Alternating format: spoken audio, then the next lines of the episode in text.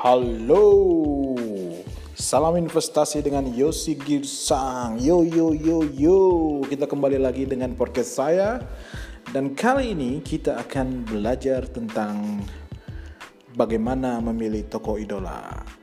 Nah, saya percaya bahwa kecepatan kita untuk belajar satu hal atau satu knowledge pengetahuan itu juga sangat berpengaruh kepada kepada siapa kita belajar.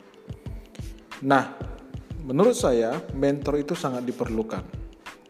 Dan sangat bagus sekali dan sangat beruntung sekali kalau kita bisa langsung ketemu mentor secara face to face, fisik ketemu dan Anda punya waktu langsung diskusi dengan yang bersangkutan atau orang yang Anda hormati tersebut. Namun tidak jarang akses tersebut tidak bisa kita dapatkan. Lalu bagaimana solusinya dong? Nah, Sebenarnya solusinya untuk saat ini zaman sekarang itu sudah bisa Anda temukan lewat yang namanya buku. Ya. Karena apa? Karena bisa jadi mentor Anda itu atau orang yang Anda idolakan itu menulis buku baik dia tentang dirinya sendiri ataupun mungkin tentang apa yang dia lakukan hingga menjadi sukses. Artinya, ya belajarlah dari tokoh idola Anda itu misalkan dengan buku. Nah, di dalam investasi, ya, di dalam dunia investasi ada dua tokoh yang berinvestasi di pasar saham atau di pasar modal yang menjadi idola saya. Yang mana saya punya mimpi bahwa saya berharap punya pet seperti mereka juga. Hal ini bukan hanya persoalan kita akan menjadi sesukses mereka, tapi setidaknya begini cara berpikirnya. Kalau kita mengikuti hal-hal yang sudah dilakukan oleh tokoh tersebut, harapan kita adalah suatu saat kalaupun kita tidak sebesar atau tidak sesukses mereka, kita sudah di jalur yang benar, kita sudah lebih baik dari kita yang sebelumnya. Nah, kedua tokoh itu, yang pertama tokoh yang sangat terkenal adalah Warren Edward Buffett. Ya, mungkin belum semua yang tahu siapa ini Warren Buffett.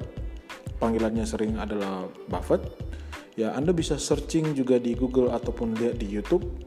Uh, beliau sangat terkenal karena beliau adalah seorang investor saham yang legendaris di mana Warren Buffett lahir di tahun 1930 jadi usianya saat ini sudah sekitar 89 tahun bro. Wow usia yang panjang ya. Dan Anda perlu ketahui bahwa dia mulai investasi saham itu di usia yang sangat belia 11 tahun. Wow, luar biasa. Dan uh, saya pernah baca artikel dan dia mulai menuliskan atau mulai melaporkan pajaknya usia 13 tahun. Artinya dia sudah mulai memperoleh penghasilan di usia 11 tahun. Warren Buffett dulu bercita-cita ingin masuk ke Harvard dan ketika dia mencoba tes ternyata nggak lulus dan akhirnya dia melanjutkan sekolah ke universitas yang lain, which is uh, seingat saya adalah business school di Columbia University. Nah di sanalah di Columbia University lah dia bertemu mentor. Anda bayangkan orang yang sukses juga, sesukses Warren Buffett, yang menurut data Forbes ya uh, itu adalah media keuangan yang sangat besar di Amerika Serikat Warren Buffett saat ini menjadi orang terkaya keempat dunia. Bahkan dulu di mungkin lima tahun atau tujuh tahun sebelumnya, Warren Buffett pernah menjadi orang terkaya pertama. Ya, saat ini saat ini ya data yang terakhir saya lihat, Warren Buffett memiliki aset sekitar 80 billion US, 80 miliar US. Artinya itu sekitar kalau kita rupiahkan lebih dari 1000 triliun. Jadi mungkin sekitar 1100 triliun. Wow besar sekali ya.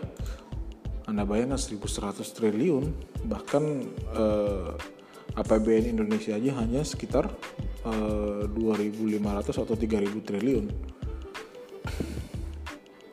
Nah Warren Buffett sendiri sudah berinvestasi sejak muda yang tadi saya katakan dan memiliki perusahaan investasi kendaraan investasi investasi namanya Berkshire Hathaway yang rata-rata e, per tahun dari uh, return yang dihasilkan oleh Berkshire ini adalah yang dikelola oleh Warren Buffett itu adalah sekitar 19 sampai 20 persen. Jadi sebenarnya kalau kita pikir-pikir kita bandingkan dengan 10 tahun terakhir IHSG ya itu returnnya adalah sekitar 16,3 persen. Artinya Warren Buffett sendiri ya dia selalu beat indeks yang ada di uh, indeks yang ada di Amerika. Ya misalkan uh, S&P S&P 500 dia selalu bukan selalu beat ya tapi mayoritas dia selalu bisa di atas dari return indeks yang ada di sana di Amerika Serikat.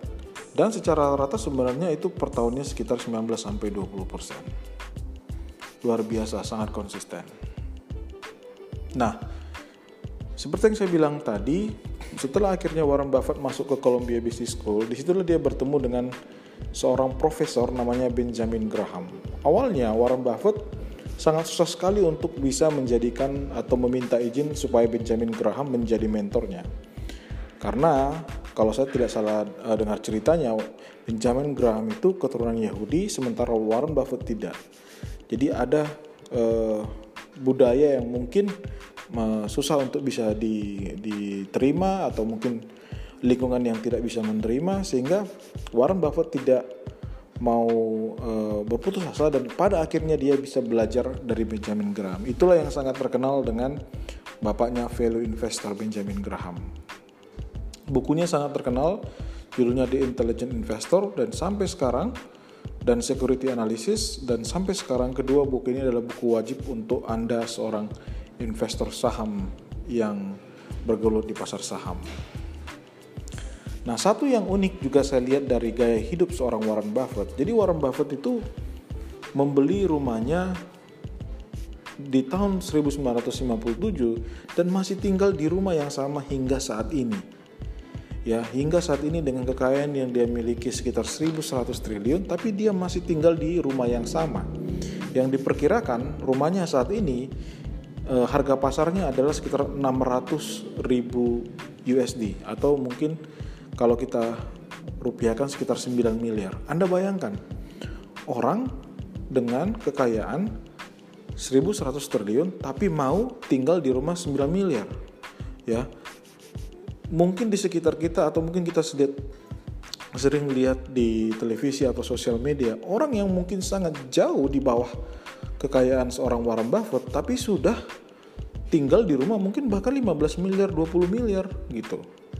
Jadi seorang Warren Buffett itu menurut saya adalah tipikal orang yang sederhana gaya hidup yang sederhana. Bahkan Warren Buffett setiap pagi sarapan uh, fast food di uh, McD di McDonald's um, uh, dan juga nyetir sendiri jadi nggak pakai driver ya dan yang paling hebat lagi adalah Warren Buffett mengatakan bahwa dia akan mendonasikan 90% dari kekayaannya secara bertahap sampai dia nanti meninggal ke yayasan Bill Gates atau Bill and Melinda Gates Foundation. Seperti Anda tahu, eh, Bill Gates adalah orang terkaya nomor 2 atau nomor 3 dunia dan mereka menjalankan yayasan atau foundation yang membantu banyak masyarakat di negara-negara yang tertinggal seperti di Afrika, untuk mengurangi tingkat kematian karena kelahiran, karena penyakit, dan sebagainya untuk membantu daerah terpencil. Dan donasi dari uh, Warren Buffett ke dalam Yayasan Foundation ini sudah ratusan triliun, ya, sebesar angkanya mungkin sudah di atas 100 triliun rupiah. Wow, besar sekali. Kemudian tokoh yang kedua, Anas Kaber. Anas Kaber itu adalah seorang uh, ibu yang pensiun dari staf auditor pajak IRS atau IRS di US. Dan Anda perlu ketahui bahwa Anas Kaber ternyata baru mulai investasi saham itu di usia 50 tahun. Yang mana saat itu dia menggunakan dana pensiunnya yang kalau dirupiahkan sekitar 60 juta pada waktu dia usia 50 tahun dan dia tinggal di apartemen kecil. Ya, ada cerita yang, yang disampaikan bahwa pada waktu RUPS, Rapat Umum Pemegang Saham, Anes Kaber selalu hadir dan dia bahkan biasanya saking apa istilahnya hidup hemat ya selain dia tinggal di apartemen kecil dia mengambil snack-snack tersebut untuk dia bawa untuk makan malamnya. Nah, rata-rata return per tahun Anaske selama dia berinvestasi itu 15,3 persen, lebih rendah dari Warren Buffett. Dan ketika dia meninggal dunia, Anas Keber kalau nggak salah sampai usia 100 lebih, jadi dari dia mulai investasi di usia 50 tahun, Tuhan memberikan dia usia hampir 101 eh, atau 102, sehingga dia selama 50 tahun bisa mengumpulkan dana sebesar kalau dirupiahkan 260 miliar rupiah. Wow, dari 5, 60 juta menjadi 260 miliar. Nah, ternyata sama juga. Dana yang besar itu ketika Anas Keber meninggal dunia, ternyata Anas Keber tidak memiliki keluarga, itu seluruhnya disumbangkan sebagai beasiswa untuk para wanita yang melanjutkan sekolahnya di Yeshiva University. Itu adalah salah satu sekolah Yahudi kalau nggak salah di Amerika Serikat. Nah, Anda lihat ada dua tokoh yang ternyata mereka bergaya hidup sederhana, bebas hutang, eh, tidak menyukai barang-barang mewah, tapi di satu sisi mereka juga berinvestasi, sehingga sebenarnya uang itu bukanlah sesuatu hal menjadi parameter. Artinya, yang penting kita menikmati hidup kita. Memang kadang-kadang banyak orang bilang, ah kalau gitu kapan kita kita menikmatinya Pak Yos? Balik lagi, eh, saya yakin porsinya adalah Anda yang paling tahu, yang membuat Anda senang, Anda yang paling tahu. Tapi poin yang saya tangkap dari cerita ini, kisah-kisah ini adalah bahwa uang itu bukan segalanya. Namun uang itu bisa membantu orang, uang itu bisa membuat Anda melakukan banyak hal terutama bisa didonasikan untuk memberikan sesuatu yang lebih baik kepada orang lain. Kira-kira itu sharing yang bisa saya sampaikan tentang dua toko ini. Semoga bermanfaat dan salam investasi Yosi Girsang. Sampai ketemu lagi bro, sis.